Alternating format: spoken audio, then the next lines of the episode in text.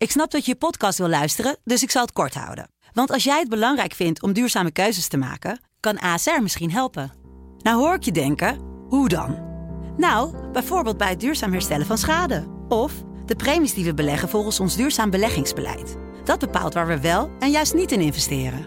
Wil je meer weten over welke duurzame keuzes ASR maakt? Ga dan naar asr.nl slash duurzame keuzes. ASR doet het.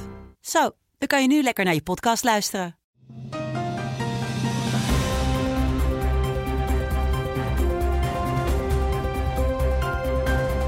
Dit is de Telegraaf podcast.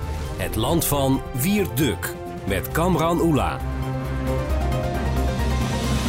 Het is donderdag 21 februari. Mijn naam is Kamran Oela, nieuwschef bij de Telegraaf en presentator van aflevering 19 van Het Land van Wiert Duk. En een bijzondere aflevering, want we hebben een gast. Naast mij staat Wiert, maar we hebben dus ook in de studio aanwezig Rob de Wijk. Meneer de Wijk, eh, van harte welkom. Goeiedag. Ja, het, we gaan het hebben over een nieuwe boek. Het is heel bijzonder, want het boek eh, wordt volgens mij om vier uur overhandigd. Ja. En eh, dit, deze podcast is op donderdag exact vier uur online gegaan. Dus er zijn Kijk mensen die mooie, horen het al. Mooier kan dat niet. Ja, nee, het, eh, inderdaad, om vier uur wordt het boek overhandigd aan, uh, aan Ster Blok, de minister van Buitenlandse Zaken. Ik ben benieuwd wat hij er dan vervolgens mee gaat doen.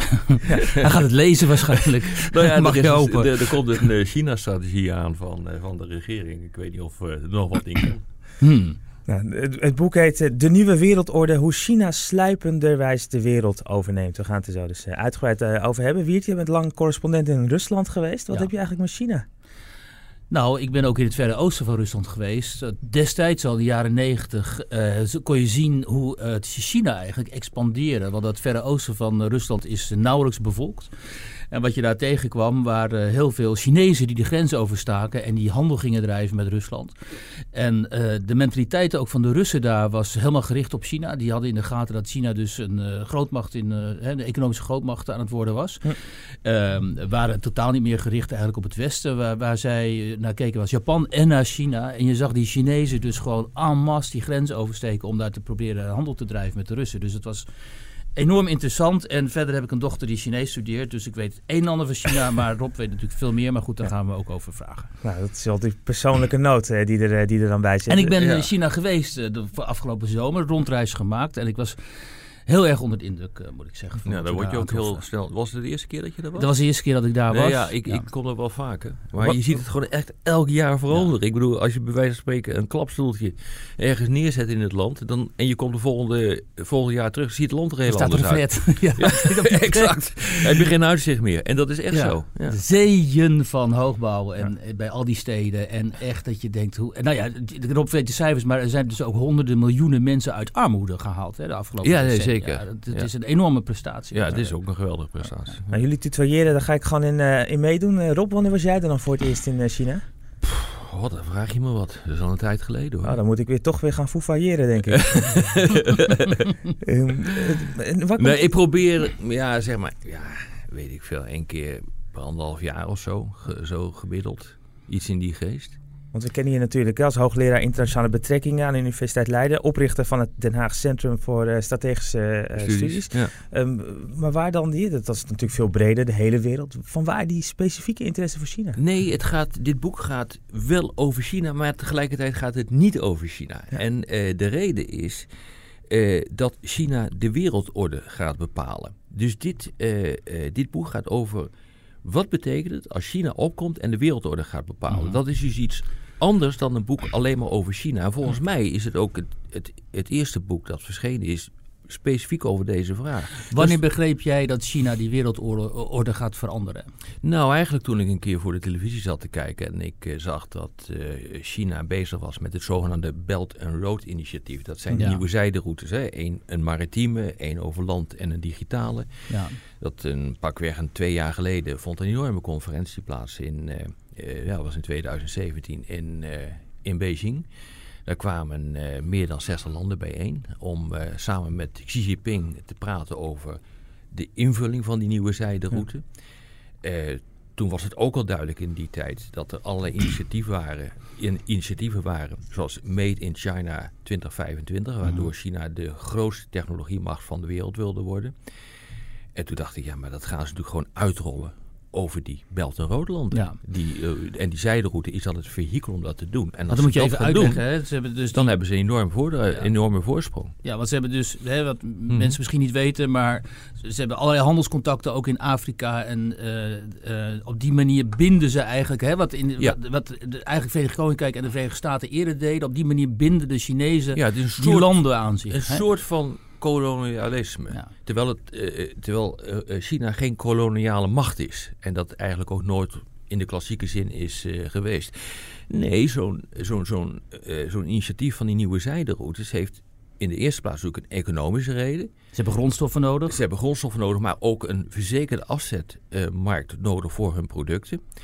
Maar tegelijkertijd is het ook een heel politiek project. En dat heeft te maken met het feit dat we hier te maken hebben met een land dat autocratisch is. Ja, je zou bijna zeggen, kun- kunnen zeggen, het is een dictatuur. Dat is het niet helemaal, maar het zit er wel redelijk tegenaan. En heel belangrijk, het is staatskapitalistisch. Hm. Het is dus een land dat, eh, waar economie politiek is. Mhm. En economie ook bedoeld is om te kunnen beïnvloeden. En om landen ja, eigenlijk tot de orde te roepen, bij wijze van spreken. Mhm. En te laten doen wat jij wil. En dat is precies wat er gebeurt. En die Belt and Road initiatief, dus die zijderoute, die zijn daar fantastisch schik voor. En wat steeds belangrijker wordt, is die digitale zijderoute. Want dat, moet je even, dat is inderdaad cruciaal. Je kunt zeggen, nou ja, de, China haalt de grondstof uit Afrika en zo is nog tot daar aan toe. Maar nu gaan Dat is eigenlijk al een gepast. Ja, dat doen ze nog steeds, maar voor, eh, laten we zeggen, de wereldorde is dat eigenlijk al niet meer zo belangrijk. Wat, wat nu belangrijk gaat worden is die digitale revolutie waarin ze met die G5 gaan uitrollen. En daar moeten wij ook Ja. op gaan anticiperen van Ja. willen wij dat Chinese net hebben? Omdat dat al, al onze data gaan naar China, die mogelijkheid Nou, het is, het, is, eh, Wiert, het is nog veel meer dan dat. Je hebt helemaal gelijk met wat je zegt, maar waar het om draait, is dit gaat over de nieuwe industriële revolutie. Nou, 19e eeuw, opkomst eh, stoommachine, eh, industrialisatie van Engeland, Engeland, machtigste land ter wereld. 20e eeuw, massaproductie, de ICT-revolutie in de jaren 80. Amerika pakt hem, machtigste land ter wereld. Maar wie pakt nu de nieuwe datarevolutie? Dat is vermoedelijk China. Althans, als je gewoon kijkt eh, hoe China voor ligt op dit ogenblik op het gebied inderdaad van 5G. Die hele discussie rond Huawei, die komt natuurlijk niet uit de lucht vallen. Dat heeft hiermee te maken. Leg even uit wat Huawei is. Huawei is eh, eigenlijk het- een van de allergrootste eh, bedrijven ter wereld eh, die eh, 5G kan uitrollen. Eh, die mobieltjes eh, maakt, die zeg maar helemaal in die mobiele tele- eh, co- co- eh, eh, communicatie eh, zit. En eigenlijk over de hele wereld actief is. En dat is ook het bedrijf dat in al die Belt- en Roodlanden 5G moet gaan uitrollen. 5G is belangrijk, is echt cruciaal. Rob nog even een paar van die Belt Road landen, dat mensen weten om eh, wat voor landen dat gaat. Nou, het gaat om de meeste landen in Oost-Europa. Eh, tegenwoordig eh, begint Italië zich er ook bij aan te sluiten. Eh, Portugal begint zich erbij aan te sluiten. Eigenlijk, Zwakke economieën. ja, eh, inderdaad, China die richt zich eh, in, de eerste instantie, in de eerste instantie op de zwakke economieën. En die zijn ook het makkelijkst beïnvloedbaar. En die, daar is ook, ja, die zijn het makkelijkst beïnvloedbaar. En die zijn ook het makkelijkste binnen de invloedssfeer te trekken van, van China. Ja, dat klopt. Dan maar, heb je dus maar te maken... maar heel even hierop. Hè? Ja. Want, eh, nou ja, dit is super belangrijk natuurlijk. Want je hebt te maken wat erop zegt met een autoritair land. Ja. Eh, waar de men, hè, vrijheid van meningsuiting en zo is maar tot op zekere hoogte gegarandeerd. Eh, staatskapitalisme, dus staat bepaalt alles. En dan gaan wij, dus westerse landen, die gaan daarmee onze digitale Ja. gegevens delen eigenlijk. Ja, maar Wiert, het is nog veel meer dan. Je hebt gelijk, hè? Maar het is nog veel meer dan alleen maar het delen van digitale Mhm. gegevens. Als het gaat om 5G, dan heb je het ook over Internet of Things. Ja, Tegenwoordig kun je een paar duizend apparaten per vierkante kilometer eh, aan het internet hangen. Dat wordt straks een paar miljoen. Ja. En de Chinezen zijn nu al aan het nadenken over 6G. Ehm, Artificial intelligence is... Exact, kunstmatige intelligentie. Chinezen weten straks wanneer jij je koelkast open doet, bij wijze van spreken. Ja, maar eh, exact. Maar dat vind ik dan nog niet eens zo'n punt. Maar als je dus 5G uitrolt met kunstmatige intelligentie, gecombineerd met supercomputers, Mhm. met machine learning, dan ben je ook in staat om bijvoorbeeld autonoom rijden helemaal te controleren. Dus eh, onze hele nieuwe economie, gebaseerd op hè, die platformeconomie, gebaseerd op dit soort ontwikkelingen, daarvan zul je dan zien dat China die gaan, kan gaan controleren. Dit is een nieuwe industriële revolutie. En als in, en China de bovenliggende partij wordt, en in mijn boek concludeer ik dat die kans buitengewoon groot is als ze dat worden, dan pakken ze inderdaad in. Maar be- of, eh, controleren is één, hè? maar beïnvloeden is natuurlijk twee. Daar zit volgens mij de angst bij veel meer mensen. Ja, maar dat gaat automatisch. Kijk, jij hebt terecht gezegd, uh, het zijn de zwakkere landen die uh, aan China worden verbonden. Uh, realiseer je dat landen, en neem nou Hongarije, dat is een heel mooi voorbeeld. die zien hoe goed het gaat in China. Die zien hoe ze de financiële crisis eigenlijk vrij gemakkelijk doorlopen zijn. -hmm. die zien dat een autocratisch, een dict, autocratisch land, een dictatuur, op een manier opereert die zij eigenlijk ook wel zouden willen. Dat betekent dus dat de, de, de zogenaamde soft power, de aantrekkingskracht voor een aantal landen, heel erg groot is eh, van, van, van China. Dat betekent dus automatisch dat politici, zeker politici, met, wat, ja, met een wat dictatoriale inborst, mm en dat, daar lopen er nog wat van uh, rond in de wereld, die zeggen van, ja, dat is eigenlijk wel een goed idee om mij aan te sluiten bij dat, uh, bij dat land. En nou, China die vindt het helemaal niet zo'n punt wat voor politiek systeem we hier hebben. Maar dit is eigenlijk voor mij wel het lichtende voorbeeld. Orbán, Orbán is daar heel helder over. Ja, voor een, nou ja, dat is al hè, voor een willekeurig Afrikaans land. Als je tegenwoordig kijkt welk model willen wij navolgen. Dat in, enorm ingewikkelde westerse model. Ja. Waarin hè, de hele tijd gezeur is over mensenrechten. En, exact. Zo. en democratie. En, en, democratie, en consensus en dat soort dingen. Dit is veel makkelijker. Of een autoritair model zoals China. Wat en, niet Rusland, maar China dat functioneert. Want het functioneert dus ook. Als je in China bent, dan denk je. Oh, wacht even. Wij dachten altijd democratische rechtsstaat en zo. Dat functioneert. Maar hier heb je dus een autoritair systeem. Ja. Dat procentgroei heeft van niet, die niet normaal is. En die mensen daar die je spreekt, die lijken niet heel erg ongelukkig. Die zijn hartstikke blij met een auto en een vletje en zo. Dus dan word je nogal op een verkeerd been gezet. Denk je, oh, hoe moet ik nou antwoorden op die mensen dan? Maar, dat is ook een vraag die je, want wij we krijgen natuurlijk ook vragen eh, via Twitter eh, binnen. Simeon Vonk, die, die, die stelt ook een vraag over. Hij zegt de opkomst van China wordt nu gezegd is te danken aan het autoritaire systeem daar en de klassieke Chinese denkwijze. Ja. Toen het niet zo goed met China ging, toen zeiden we ja, dat komt door het autoritaire systeem mhm. en het klassieke Chinese denken. Ja, dat is niet zo. Ja, het is een goede vraag, maar dat is dus inderdaad niet zo. Realiseer je waar China vandaan is uh, gekomen. Hè? Grote burgeroorlog uh, geweest tot uh, eh, 1949, toen is een volksrepubliek gesticht. En dan zie je eigenlijk dat er een geslagen ontwikkeling gaat plaatsvinden. Het wordt stabiel. Het politieke systeem uh, die wordt ingericht op de manier waarop het uh, nu functioneert. Dan zie je dat zeg maar, aan het eind van de jaren 70 uh, begint Deng Xiaoping, de belangrijke leider hier, die begint het land open te zetten. Gaat de relatie aan met de Verenigde Staten. En dan is er alleen maar groei, groei, groei, jaar in, jaar uit. Dat wilde ik, dat, dat realiseer ik mij in China toen ik daar was. Um, is Deng Xiaoping niet veruit de belangrijkste mondiale leider geweest na de Tweede Wereldoorlog? Want de prestaties van China zijn dan eh, rechtstreeks op hem ja. terug te voeren. Dat is toch ongelooflijk? Nou ja, hij heeft natuurlijk iets voor elkaar gekregen. Uh, waarbij een, soort ontsporing van de keizers 500 jaar geleden ongedaan is uh, gemaakt. Want uh, zeg maar in de middeleeuwen hebben de keizers bepaald van... jongens, laten we ophouden met die relatie met het buitenland... want daar wonen alleen maar barbaren. Uh, en, daar, en, en, we hebben last van de Japanse uh, uh, terroristen, bij wijze van spreken, op, op zee, piraten noemen we die. En op een gegeven moment hebben ze zelfs een verbod gelegd op het oh, verbod afgekondigd op zeegaande schepen. Dus ze zijn echt helemaal het Rijk van het Midden geworden. Ze vonden zichzelf cultureel superieur met een, met een superieur geschiedenis. Maar een land wat eigenlijk niks kon. En dan vervolgens zie je dat in uh, het midden van de 19e eeuw uh, wordt, uh, wordt China eigenlijk onderdrukt in hun eigen, in hun eigen idee, vol, volgens hun eigen idee door het Westen. Ja. opiumoorlogen. Nou, dat, die eeuw van vernedering die houdt op in, in 1949. En dan met de en dan het fantastische van, van, van Deng Xiaoping is dat hij zegt van we moeten hiermee ophouden. We moeten het koers, de koers totaal omgooien. Dat heeft hij ook gedaan. onvoorstelbaar dat iemand uh, dat... Dat kan, ja. Um, maar nu dringt de vraag zich op. Hoe komt het dat het Westen hier kennelijk niet op was voorbereid? En hoe kan het vooral dat de Verenigde Staten hè, met die digitale macht, met Silicon Valley en zo, dat die dit laat gebeuren überhaupt? Nou, of ze er niet helemaal op voor zijn bereid, dat weet ik niet. En uh, de, de, reden is dat... Um, Kijk, als een land van 1,4 miljard inwoners gaat groeien, dan gebeurt er wel wat. Ik bedoel, wat is nou Amerika? 350 miljoen? Ja, iets in die geest. Wij zijn met 450 miljoen hier in Europa. Dus massa is hier heel erg belangrijk. En uh, weet je, hebt net ook gezegd van er zijn heel veel mensen die zijn, uit, die, die zijn tot de middenklasse gaan behoren. Dus dat land begint enorm te groeien. Als zo'n land begint te groeien en je, en je neemt het besluit om in te spelen op die digitale economie, omdat je wel moet. Hè, want uh, het land ging eigenlijk de verkeerde kant op. Uh, eh, ze moesten zich gaan aanpassen. Die Mhm. economie moet getransformeerd worden. Dat doen ze dan ook. En je stopt al je geld wat je maar kunt vinden in dit soort ontwikkelingen. Nou, dan gaat het hard hoor. Dan, eh, Dan hebben ook de VS geen weerwoord meer. nou, dan wordt het heel erg lastig. En dat zie je dus ook. Omdat op het gebied van, ja, volgens mij hoor, op het gebied van kunstmatige intelligentie lopen ze voor. 5G, uitrol, massaliteit, lopen ze voor. Mhm. De grootste supercomputers staan niet in Amerika, maar in China. En zo kunnen we nog wel even doorgaan. En geopolitiek, wat gaat dit betekenen? Want wij zijn natuurlijk gewend geweest aan de Atlantische orde, zeg maar. Hè? Ja. Van, de, de- eh, het Westen bepaalt eigenlijk, is calling the shot, zeg maar. Ja.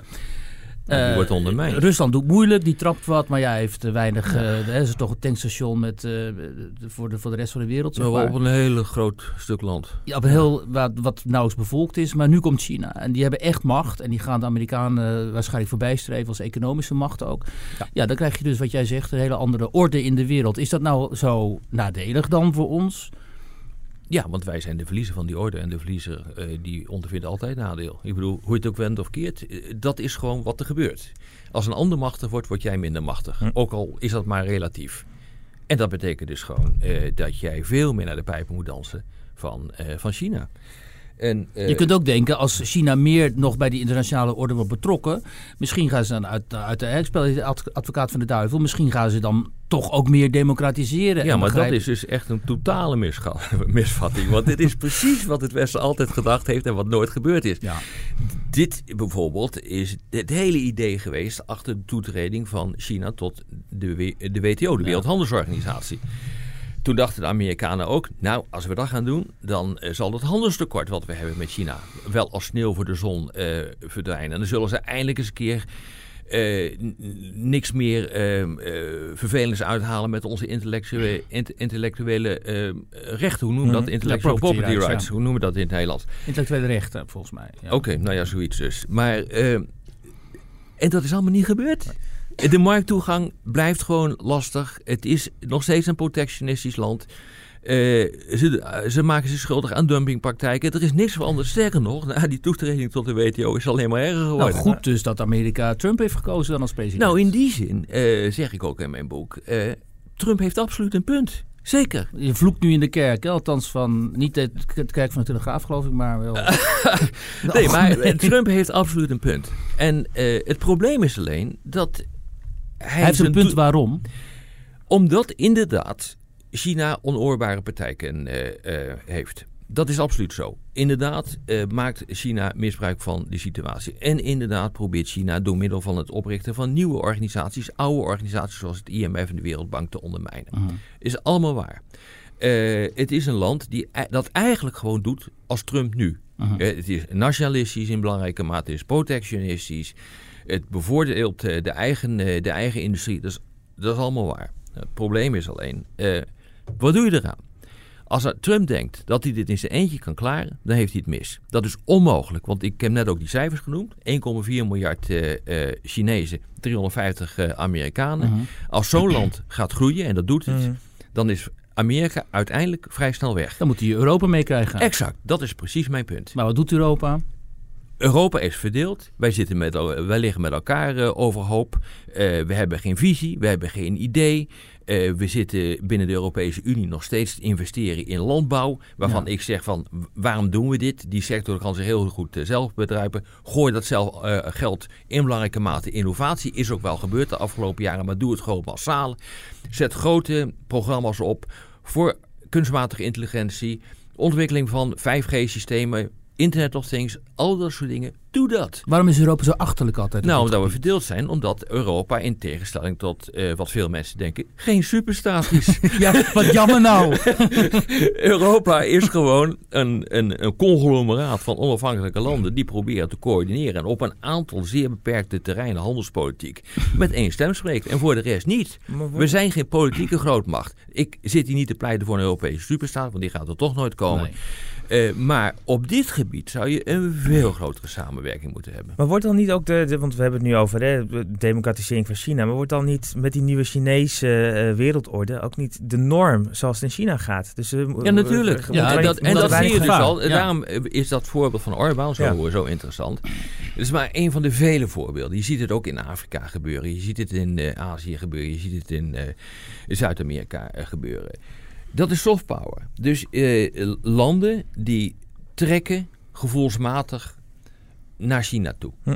En nemen dus ook eh, dat systeem over. Dat betekent gewoon dat democratische landen, vrije landen in de wereld gewoon ja, op zijn retour zijn. En dat zie je ook in de cijfers. hè. Mhm. Transparency International constateerde nu voor 13 achtervolgende volgende jaar dat de, eh, de vrijheid in de wereld, de democratie in de wereld, terugloopt. Dat heeft onder andere hiermee te maken. Nou, En- dat, dat hebben we natuurlijk ook aan onszelf te wijten. Tuurlijk. Omdat hè, in zoveel opzichten democratie ook zichzelf gedisqualificeerd heeft. Mhm. en, eh, Ja. Maar goed, ehm, dan is het wat erop zegt, daar ben ik het mee eens. Dan is het aan Europese landen en politici om duidelijk te maken voor wat voor gevaar we staan. En wie- welke politicus gaat nu eindelijk eens een keer voor de troepen staan en zeggen dat dit het probleem is, dat we hier wat aan moeten gaan doen. En dat je dus op dit gebied samen moet werken en dat dat niks te maken heeft met een superstaat. Zie jij die in Europa? Nee. En dat is het, eh, het merkwaardige. Ik, dat is ook de reden waarom eh, het eerste deel van mijn boek helemaal niet over China gaat, maar gaat over ons. Mhm. Want ik ben het met Wiert eens. Ik bedoel, wij zijn het probleem in belangrijke mate.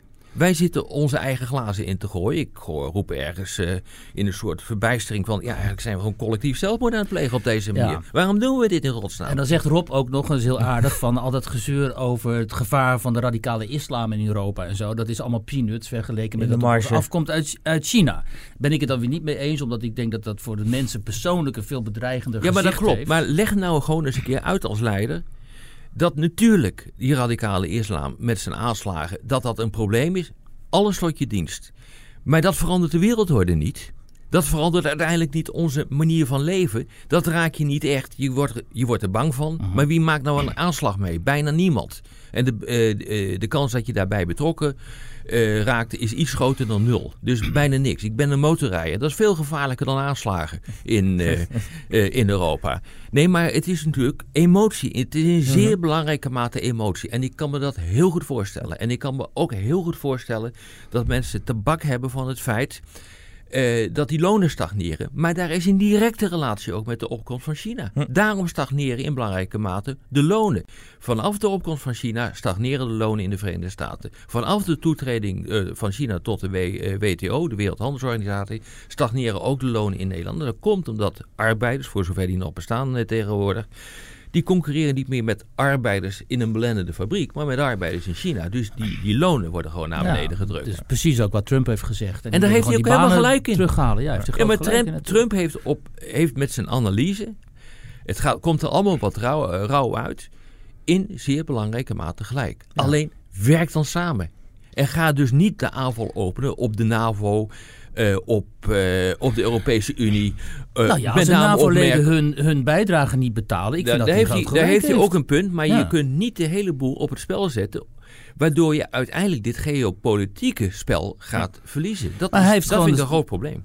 Kijk, wat hij veel te veel uitstraalt waarschijnlijk... is dat hij minachting heeft voor die leiders Exact. die die analyse niet maken. Omdat Exact. het een zo overduidelijke analyse is. Ja, in die hier zin eh, zit ik op de lijn van Trump. Ja, En Doe, ik, je zou eh, toch te maken hebben met eh, iemand als die Mogherini bijvoorbeeld. En je bent Trump en je denkt, ja maar hallo, maar waar gaat dit over? Over Iran bijvoorbeeld heeft ze het helemaal fout. Over China hebben ze het fout. Dus denk je, ja maar met, wie heb ik hier Nou te ja, ze hebben. nou, kijk, Wie bel ik dan Nou? Mogherini heeft wel een, eh, heeft die analyse wel gemaakt. Alleen het probleem is hoe krijg je het voor elkaar om binnen zoveel eh eh, soevereine Europese landen Precies. eh, dit beleid voor elkaar te krijgen. Eh, de- de- kijk, wat, er is een China-strategie van de Europese eh, Unie. Maar als je hem leest, dat schrijf ik ook, ja, ik word er niet opgewonden van. Er is vorig jaar is er een connectiviteitsstrategie gemaakt van de Europese Unie. Dus eigenlijk, dat Belt en Road initiatief, die zijderoute, is connectiviteit. Je gaat de verbinding aan met andere landen. Dus denkt de Europese Unie, moeten wij ook gaan doen met andere landen. Nou, ik was laatst eh, voor buitenlandse zaken in Jakarta. Eh, in, ehm, eh, daar was een trilaterale overleg met Australië, Indonesië en Nederland. Het ging eigenlijk gewoon over China. Ja, het grote probleem is alleen, ja, wat gaan we nou doen? En hoe, wat is nou de rol van... Nou, Nederland is natuurlijk al helemaal niks. Het was al fantastisch dat Nederland dit organiseerde. Maar van de Europese Unie. Die is gewoon afwezig in dat gebied. Dat is toch echt curieus. In de belangrijkste organisatie daar speelt Nederland geen rol omdat Europa daar tafel. rol speelt. Nee, en eh, dat merk je ook. En dan wordt er ook zelfs door Australië gezegd: ja, we willen jullie hier helemaal niet hebben. Dit eh, lossen we zelf wel op. Zo nodig met Amerika. En dat is Maar je kunt je een toch groot ook probleem. terug, je kunt je toch ook, kijk, de geschiedenis is zoals die is. Je kunt je toch neerleggen bij het feit dat, eh, dat Europa is uitgespeeld is eigenlijk wat dit betreft. En een tweede of derde rangs eh, Nou ja, gebied zal gaan nou ja, worden. wie het- ja, je wil misschien in een museum wonen, ik niet. nou, ik wil wel in een museum wonen, maar dat moet er wel mijn eigen Ja, goed, je zijn. kent de en die geschiedenis kan ik ook. niet En zo betalen. gaat dat nu eenmaal. Hè? Ja, maar de grote vraag is of je daarmee neer moet leggen. Eh, Kijk, dit is toch uiteindelijk... eh, ja, Rutte zou zeggen, het is een gaaf continent. Ja, heel graag. Als museum vooral. Maar we hebben natuurlijk nog steeds een enorme industriële basis. We hebben nog steeds een enorme innovativiteit. We hebben nog steeds goede universiteiten. We kunnen hier een belangrijke rol in spelen. Maar doe het dan in godsnaam met Amerika samen. En dat betekent dus ook dat, dat eh, Trump moet ophouden met dat besje van die bondgenoten. Ja, goed, Maar maar, er moeten ook moet- mensen als Klaver eh, ophouden met eh, Trump echt op on-camera uit te schelden. Zo Ja, ongeveer. dat Wat is dat ook niet verstandig. Want Ja. laten we zeggen, Trump-besje is geen strategie. We dat doen is- niet anders. De media doen Ja, maar- anders en de politici doen niet anders. maar Wiert, dat is, vind ik nou juist het grote probleem van de huidige politiek. Ik bedoel, nou hoeven we, maar ik, ik schrijf er ook veel over in mijn, eigen, eh, in mijn boek hoor. Mhm. Dit is echt gewoon een politiek eh, probleem. Ik bedoel, we, hebben, we zijn gezegend met leiders zonder visie. Mhm. En die, gewoon, kortzichtig. en die niet, nou voorzichtig, nee. Kort, ze- nee, kortzichtig. ook kortzichtig, ja. Nou, kortzichtig. Nou ja, is misschien denk ik, dus. Het is misschien nog wel erger. Ik denk Nee. dat ze gewoon zo bezig zijn met, eh, met elkaar in, eh, in Den Haag. eh, waar ik trouwens zelf ook woon. Dus ik zie dat, dat gedoe van zeer nabij. En ik kom heel vaak in de Tweede Mhm. Kamer. Maar het is tactiek. Het is bezig met elkaar. Het is niet bezig met... Nou, wacht. grote- Mark Rutte zegt letterlijk dat hij dus tevreden is met het feit dat hij geen visie heeft. Nou ja, daar komt hij nou inmiddels wel op terug. Want hij heeft dus eh, nog niet zo lang geleden een Churchill-lezing gehouden in, eh in Ja, Zurich. toen had hij opeens wel weer een visie. En dat was de derde op een rij. En ik moet zeggen, die deel ik. Ik vond dat echt een hele goede, een hele goede eh, eh, strategie, een goede visie. Het was een goed verhaal. Meer in ieder geval begrijpt hij het. Maar wat gaan we nou doen, hè, is mijn volgende vraag. Maar laten we, eh, laten we even gaan kijken naar iemand die, die, waarvan we volgens mij hier dus concluderen wel visie heeft. Xi Jinping. Ehm, Dat mag je eh, wel de, zeggen, De, ja. de, de Chinese droom van verjonging. In 2049 is het 100 jaar na het stichten van, Ja. het, eh, van de Volksrepubliek door, eh, door Mao. Ja. En hij wordt nu al een beetje als machtigste leider sinds Mao van China gezien. Ja, het is wel belangrijk om te zeggen, hè, dan 100 jaar na de stichting van de Volksrepubliek moet China gewoon de leider zijn in de wereld. Maar dat, dat, het, eh, zegt hij, hè? dus dat, dat- dat wil ja. hij. Maar, Ja, en in 2035, de technologie mag nummer één. Maar Ja. dat, haal, dat, dat zijn ze al eerder. Maar dat, Ze liggen voor. En die voor op schema. Maar dat wilde ik eh, aan je vragen. En eh Han ten Broeke, die, eh, die je volgens mij heel goed kent. En, eh, Nogal, die, ja. die, ook, die, die stelt eigenlijk dezelfde vraag ook. Ehm, ehm, eh, wanneer komt die Chinese wereldorde? Je hebt het in het derde deel van je boek over. Wan- wanneer is die er dan al? Want 2049, ja, dat is... eh, Nou, dat is niet Dat is eens zo op Chinese schaal. ver Tijdlijn weg. is dat niet ver weg hoor. Ze, ze, ze, redeneren moeiteloos 5000 jaar terug. Dus nee, als, tot- even als de anekdote gele- tussendoor. De Chinezen zijn nu nog bezig om te, te overwegen wat de conclusies moeten zijn vanuit de Franse revolutie. Hè, Ja, exact. Ja, dat kunnen we, die kunnen we nog niet trekken. is nog Ja, ja, exact, te kort dat is geleden. Te kort geleden. maar wanneer, maar wanneer denk Ja, maar erop je dat die ziet- Chinese wereldorde er is? Is dat al sneller? Nee, dat, is een sluipend proces. Ja. Vandaar dat ook in die titel het woord sluipende wijs staat. Dat is trouwens het enige woord wat ik niet bedacht heb in dat hele boek. Maar het geeft En daar heel gaan we het nu wel over Maar het hebben. heeft, het geeft, ja exact, het geeft heel goed aan, eh, nee de, de redacteur heeft dat bedacht. Het geeft heel goed aan ehm, eh, dat dat een, inderdaad een langzaam proces is. Maar de effecten zijn al enorm zichtbaar. Er worden al parallele instituties opgericht, zoals de nieuwe ontwikkelingsbank, eh, die eigenlijk gewoon eh, een Mhm. concurrent wordt van de Wereldbank. Er is een bank voor de infrastructuur, de investering in de infrastructuur, om ook het Belt en Rood, dus de zijderoutes, te gaan ondersteunen. Daar wordt al geld in gepompt. De zijderoutes zelf hebben een gigantisch effect op de landen die er zijn, bij zijn aangesloten. We zien al eh, dat eh, er een verschuiving is eh, van de soft power, Mhm. dus de aantrekkingskracht van Amerika, eh, naar China. Het is al in En volle gang. Van En- de dollar naar de Chinese munt. Heel belangrijk. hè? Zeker, absoluut. Dus dat gaat ook nog gebeuren. Nee, het is een proces die, eh, waarvan nu duidelijk begint te worden dat er echt wat aan de hand is. En het leuke is, dat gaat over Huawei. Ja. Eh, eh, Huawei is een, eh, is, een, eh, is een club die nu eigenlijk symbool begint te, te staan voor deze ontwikkeling. En daarom is het ook zo belangrijk. En nu ziet men komt er nu achter, ook in de Verenigde Staten, met name in de Verenigde Staten, uh, dat dit dus echt een, een ontwikkeling is, waardoor de Verenigde Staten gewoon geen grip meer heeft op die wereldorde. Want als het is inderdaad zo is dat een land dat de industriële revolutie wint, tussen aanhalingstekens, die bepaalt de wereldorde. En als Amerika niet wint, bepaalt hij de wereldorde niet meer. Bij de James Bond film. Ja, het gaat dus ja, tussen de, een, Chinese, een Chinese schurk en Mark Zuckerberg eigenlijk en Google. Daar, daar komt het he, in kort op neer. Ja, ja. dan kunnen wij zeggen, ja, maakt nou uit of die Zuckerberg nou onze data heeft of die Chinezen. Nou ja, ik moet eerlijk zeggen, als ik dan toch ergens een kolonie van moet zijn, ben ik maar liever een kolonie van, van Facebook. Uh, van, uh, van Amerika.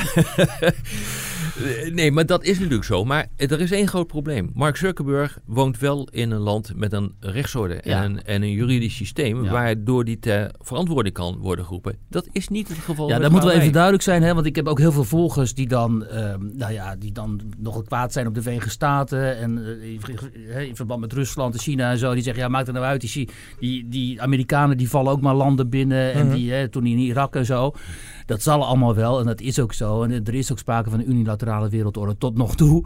Maar wat Rob zegt, ze hebben daar gewoon wel een functionerende rechtsstaat. Tot, hè, nou ja, Hoe vaak moet die Zuckerberg wel niet uh, naar de rechter toe gaan? Hoe vaak wordt hij niet uh, voor parlementen uh, en de Senaat of weet ik veel wat ter verantwoording geroepen? En hoe... en, en, hoe moet hij wel niet zijn beleid aanpassen? Nou, ik zie dat niet gebeuren met Hawaii hoor. Die kan je natuurlijk wel voor bepaalde activiteiten in bijvoorbeeld de Verenigde Staten of in Europa uh, voor de rechten dagen. Maar uiteindelijk is het een, is het een, uh, is het een bedrijf uh, dat ook een politieke missie heeft. En dat wordt natuurlijk gewoon allemaal ontkend. Maar het is echt zo dat uh, volgens de Chinese wet zij ook gewoon informatie moeten inwinnen. En wij zouden dat gewoon dus spionage noemen. Interessant is dat, hè, dat incident met die topvrouw hè, die uh, gearresteerd werd. Ja, dan zie je dus, dus echt een spionage Want dat was een enorm diplomatiek schandaal. Daar werd dat, hè, dus China en de Verenigde Staten. er is gewoon echt wat aan de hand. Ben ik, ben ik, en, maar het probleem is, kijk, dat uh, het is heel lastig met die super complexe systemen van die digitale wereld om precies aan te geven waar de achterdeurtjes zitten of dus de kwetsbaarheden in het systeem. Dat is bijna niet te doen. Uh, we hebben dat ook meegemaakt met Cisco, een Amerikaans bedrijf. Uh, die heeft gewoon ook dit soort dingen gedaan. Gewoon niet goed. Maar die kon voor de rechter worden gedaagd. Maar dat is met, met Huawei is dat moeilijk. Met andere woorden, Europese bedrijven, die beoordeel je aan de hand van de rechtsstaat waarin ze opereren. Mhm. En Chinese bedrijven beoordeel je aan het politieke systeem van China. En dat is echt een heel ander punt. En als dus zulke bedrijven enorme impact krijgen, maar ook zeg maar, op kleinere schaal door Confucius-instituten, mhm. ook in dit land, ja. Uh, dan, dan weet je dat sluipende wijze, dan heb je dat woord weer, China gewoon een belangrijke mate van invloed krijgt op, uh, op dit gebied. En het gaat allemaal gepaard met zachte retoriek. Met uh, hoe vaak ik wel niet uit de mond van Chinezen het woord win-win heb mm. gehoord. Nou, uh, win met een hele grote hoofdletter voor China en een heel klein winnetje. Win-win klinkt ook een beetje Chinees. En, en, dat is gewoon onzin. Die, die nou ja, de, de Duitsers hebben de Goethe-instituten. En nou, alle grote grootmachten hebben hun culturele instituten en zo. De Chinezen hebben de Confucius-instituten. Mm. Uh, en Leiden heeft net, de Universiteit Leiden heeft net samenwerking daarmee opgezegd. Um, daarin zie je dus ook, want dat is te veel Chinese softpower die zich, uh, die zich mengt in onze academische wereld en zo. Pak die Chinese, wetten, dus. pak die Chinese wetten bij. Precies om deze redenen die Rob hier aan. Maar oliedom dus om, dat, uh, om zo'n uh, samenwerking op te zeggen. Dom? Nee, niet dom. Dat is een hele juiste overweging waarschijnlijk. Het interessante is dat die Confucius-instituten dus overal, hè, uh, zeg maar als een soort hun tentakels hadden uitgespreid, onder die, onder die, die mhm. vlag van die softpower. Van, kom, kom, jongens, kom bij ons Chinees leren, hè, we geven jullie faciliteiten enzovoort, enzovoort. En Leiden heeft nu uh, begrepen, ja, maar dit gaat over, om, dit gaat over politieke dingen, ideologische dingen. En dit, dit, gaat, uh, dit schaadt ons, dus we gaan die, die samenwerking verbreken. En kijk, dit zijn allemaal dingen die zich zeg maar buiten de blik van het grote publiek afspelen. Maar als je al die incidenten zo ziet, dan zie je dus eigenlijk hoe die oorlog op, op dit moment om invloed gaande is. Ja, hè? ja. ja eh, absoluut. Ja, Maar het leidt dus wel tot een, eh, tot een discussie eh, die zo ver bij ons vandaan staan. Want wij zijn natuurlijk toch een land, als het gaat over Nederland, dat heel veel nadruk legt op handel. eigenlijk is er handel en dan is er eigenlijk niks. En dan zijn er nog mensenrechten. En we proberen dus ook allerlei dingen voor elkaar te krijgen. Een van de conclusies van mijn boek is dat mensenrechten. het verspreiden van democratie, het bevorderen van democratie, dat het gewoon geen beleidsdoelstelling meer kan zijn in deze Nou, in die toekomstige dus wereld. helemaal, nou, dat, precies dit is ook helemaal misgegaan, denk ik, in de contacten met Rusland en met Oekraïne. Dat primair stellen van mensenrechten in plaats van realpolitiek, hè, wat ik altijd bepleit.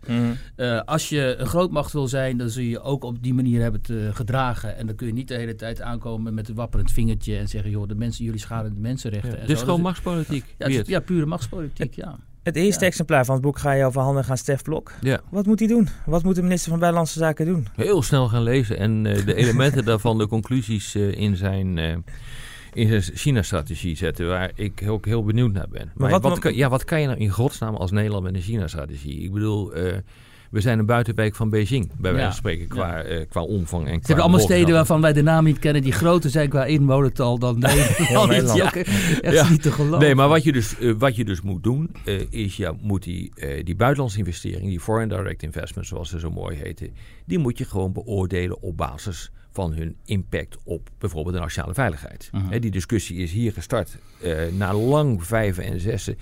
Toen Carlos Slim, eh, die eh, Mexicaanse investeerder, KPN wilde Mhm. overnemen, toen dachten oh mijn god, nu gaan al onze data naar, eh, naar Carlos Slim, naar Mexico. Ja, Willen we dat wel? En ja, en dat is een terechte vraag. En ik pleit al heel lang, al zeker 10, 15 jaar, voor een toetsichtskader voor dit soort investeringen. Dus dat, daar begint het mee. Daar moet je een keer mee ophouden met die discussie. En zeggen van nee, het gaat om handel. Het gaat niet om handel als je alleen maar als je handel drijft met China. Dat gaat ook om politieke beïnvloeding. Dat moet je gewoon erkennen. Dat is al enorm. Dus die, eh, die hele deal met waar wij, daar moeten we gewoon niet eh, aan beginnen. Nou ja, dat hangt er dus vanaf hoe je hem inkleedt. Je, je, als je met Hawaii in, eh, in zee gaat, dan moeten er hele goede waarborgen komen. En dan moet je ook zeker weten dat niet met een ander bedrijf... Maar daar gaan ze zich helemaal niet aan houden. Nou ja, dat hangt er dus vanaf hoe je het inricht. Maar we hebben knappe juristen en we hebben ook knappe technici... waarbij je onderdelen van uh, Huawei uh, kunt gebruiken voor de, voor de uitrol van je 5G-netwerk. Bijvoorbeeld ingekapseld in de, de, producten van een westers bedrijf. Dat kan. En de, de Britten gaan op, de, op dit ogenblik uh, eigenlijk op die tour. Maar dus dit is voor uh, Nederland van groot belang voor een strategie. Maar uh, vervolgens zal zo'n strategie heel hard moeten pleiten voor een gezamenlijk antwoord. Ja. Transatlantisch, Europees, dus gezamenlijk Europees, maar ook samen met uh, de Verenigde Staten. Want tegen de massa van China moet je de massa hebben die wij met z'n allen transatlantisch, maar ook nog een keer met bondgenoten zoals, noem maar wat, Australië. Die trouwens totaal het ban hebben gelegd op uh, Huawei uh, mm -hmm. uh, producten. Ja, die, die, op die manier kan je de massa creëren om in ieder geval ja, die machtspolitiek te voeren. En wie in de Amerikaanse administratie zie je dan uh, als aanspreekpartner die ook begrijpt dat Europa hierbij betrokken moet worden? Nou, die zijn er wel op ambtelijk niveau. Alleen niet. Het probleem is nu uh, al die, uh, die hele ontslaggolven die er zijn geweest binnen de, binnen de regering, zie ik niemand meer die dit kan behalve Trump. Trump begrijpt dit inmiddels wel. Dat is zelfs zo ver gegaan, heb ik ook in het boek geschreven, dat hij overwoog om een nationaal project voor de uitrol van 5G uh, te, te, verzinnen. Dat is echt bijzonder. -huh. Voor een land dat dus. Ja, helemaal opgedeeld is. Het, ja, ja, nee, maar voor een land dat vrijhandel zo hoog in het vaandel heeft staan. en dat de industriële productie totaal niet wil gaan domineren op politiek gebied, is er wel een plan geweest om 5G nationaal uit te rollen door de overheid. Ja. Dat is echt heel. Dat heeft hiermee te maken. Dus um, uh, laten we op dit punt gewoon de toenadering zoeken tot Trump. Dan ha, Kijk, ik heb uh, met die Trump-bashing, ik doe er zelf ook aan mee. Ik bedoel, wat daar gebeurt, kan volgens mij niet. Want het is namelijk strategisch niet handig wat mm -hmm. hij doet. Maar als, hij, als wij zeggen van oké okay, Trump, je hebt een punt. En we gaan op deze, die en die en die onderwerpen gaan we samenwerken. Bijvoorbeeld bij het uitrollen van 5G. Gezamenlijke grote ontwikkelingsprojecten op het gebied van uh, kunstmatige intelligentie. Gezamenlijk, gezamenlijk de bouwen wat mij betreft van supercomputers. Dan komen we een heel eind hoor. Mm, ja. Dan wordt het heel lastig voor, uh, voor China. Tot slot, laten we het helemaal terugbrengen naar het individu. Wiert begon aan het begin al dat jouw dochter in China studeert. Ja. Eileen Bilic, die, die, die stelt ook een vraag. Die zegt, ik ken mensen in het buitenland die hun kinderen voorbereiden door zo privéles Chinees te sturen. Bij ons speelt het niet. Is, nou, nou, ik zouden we dat moeten doen? Precies, dit heb ik ook tegen mijn dochter gezegd. Ga Chinees studeren, want dat is de toekomst. Ja, en, nee, jij bent een ja. mooi voorbeeld daarvan. ja. ja. Ja. Jij hebt nog een dochter die naar je luistert. Uh, nou ja, zij, begreep, zij was met mij op die reis en zij begreep het daar. Zij voelde precies hetzelfde. Ze dacht, ja, een goede keuze dit. Ja. ja. Nee, maar ja, god, ik, uh, ik heb niet meer de, de moed om Chinees te gaan leren. Maar het zou wel fijn zijn. Maar aan de andere kant, weet je, als ik in China ben het is wel de mensen, waar, hoor. de mensen waarmee ik praat, weet je, die praten allemaal Engels. En uh, dat is allemaal geen, de, de meeste daarvan hebben gewoon gestudeerd in de Verenigde Staten. Dat is opmerkelijk trouwens. Mensen hebben gestudeerd in het buitenland, dan komen ook allemaal terug. En wij denken dan, nou, dat is geen democratie. Ze zullen wel helemaal... Uh, uh, overmond zijn met uh, het feest van de democratie nou, in ons uh, deel van de wereld. En dat is dus niet zo. Die lui die gaan gewoon terug en nemen de technologie mee. Ja, Russen net zo. Hè. Die gaan naar het buitenland en die denken, ja, dat Westen bevalt ons niet. We gaan terug naar Rusland. Ja, ik, ik merk met vrienden die in, die in China wonen, om, om, omdat ze daar werken, die ook er naartoe gingen, nou, ik moet het maar zien. En die nu eigenlijk pleitbezorgers zijn, soort ambassadeurs van nou, het systeem werkt en uh, waarom niet. En, ja, maar zo, zie je, zo makkelijk val je dus in die. Uh, de, ja, ik heb er wel een punt van gemaakt hoor, in mijn boek. Van, uh, de, van de discussie van waarom worden die lui nou eigenlijk gewoon niet zoals wij. He, dat is altijd gewoon het idee geweest. Maar dat heeft ook te maken natuurlijk met het idee dat wij Westelingen gewoon al uh, eeuwenlang echt superieur zijn in uh, de wereld. Wij hebben gewoon de wereldorde bepaald. En uh, dat, dus dat leidt ook tot het idee dat wat wij doen gewoon per definitie het beste is en het meest superieure idee en systeem is wat er is in de wereld. En dat is dus gewoon niet zo. we gaan nu een beetje van ons witte privilege inleveren de komende Dat is precies wat er gaat gebeuren. Ja. Nou, dan krijgen een aantal van jouw grote vrienden weer toch, uh, toch een zin. ja, die moeten niet zo zeuren. Gewoon de revolutie staat op punt van beginnen. Um, maar laten we dat moment nou gewoon een beetje uitstellen. Ja, dat, eh, dat is, gewoon het, dat is gewoon het hele punt. Rob, jouw uh, nieuwe boek, uh, De Nieuwe Wereldorde, hoe China sluipenderwijs de wereld overneemt, uh, verschijnt dus vandaag. En vandaag is 21 februari, want er zijn natuurlijk ook mensen die later luisteren. Wij mogen twee exemplaren verloten. Ja. Um, mensen kunnen mailen naar podcast.telegraaf.nl, dus podcast.telegraaf.nl. Doen we het gewoon random of moeten mensen ook nog een vraag beantwoorden? Mensen moeten proberen te onderbouwen waarom zij dit boek zo graag zouden willen hebben. En uh, nou ja, dat is het dus eigenlijk. Vertel waarom je dit boek zo graag wil hebben. En de beste onderbouwing krijgt dan uh, een boek. De eenkoppige jury bestaat uit Wierduk. Uh, nee, onze producer Ma Mari natuurlijk ook. En Rob natuurlijk, want die is tenslotte de auteur van het boek. Oké, dus mensen kunnen mailen. Dus dat, dat zijn die mensen die helemaal tot nu geluisterd hebben. Dat is altijd fijn. Dank ja. daarvoor.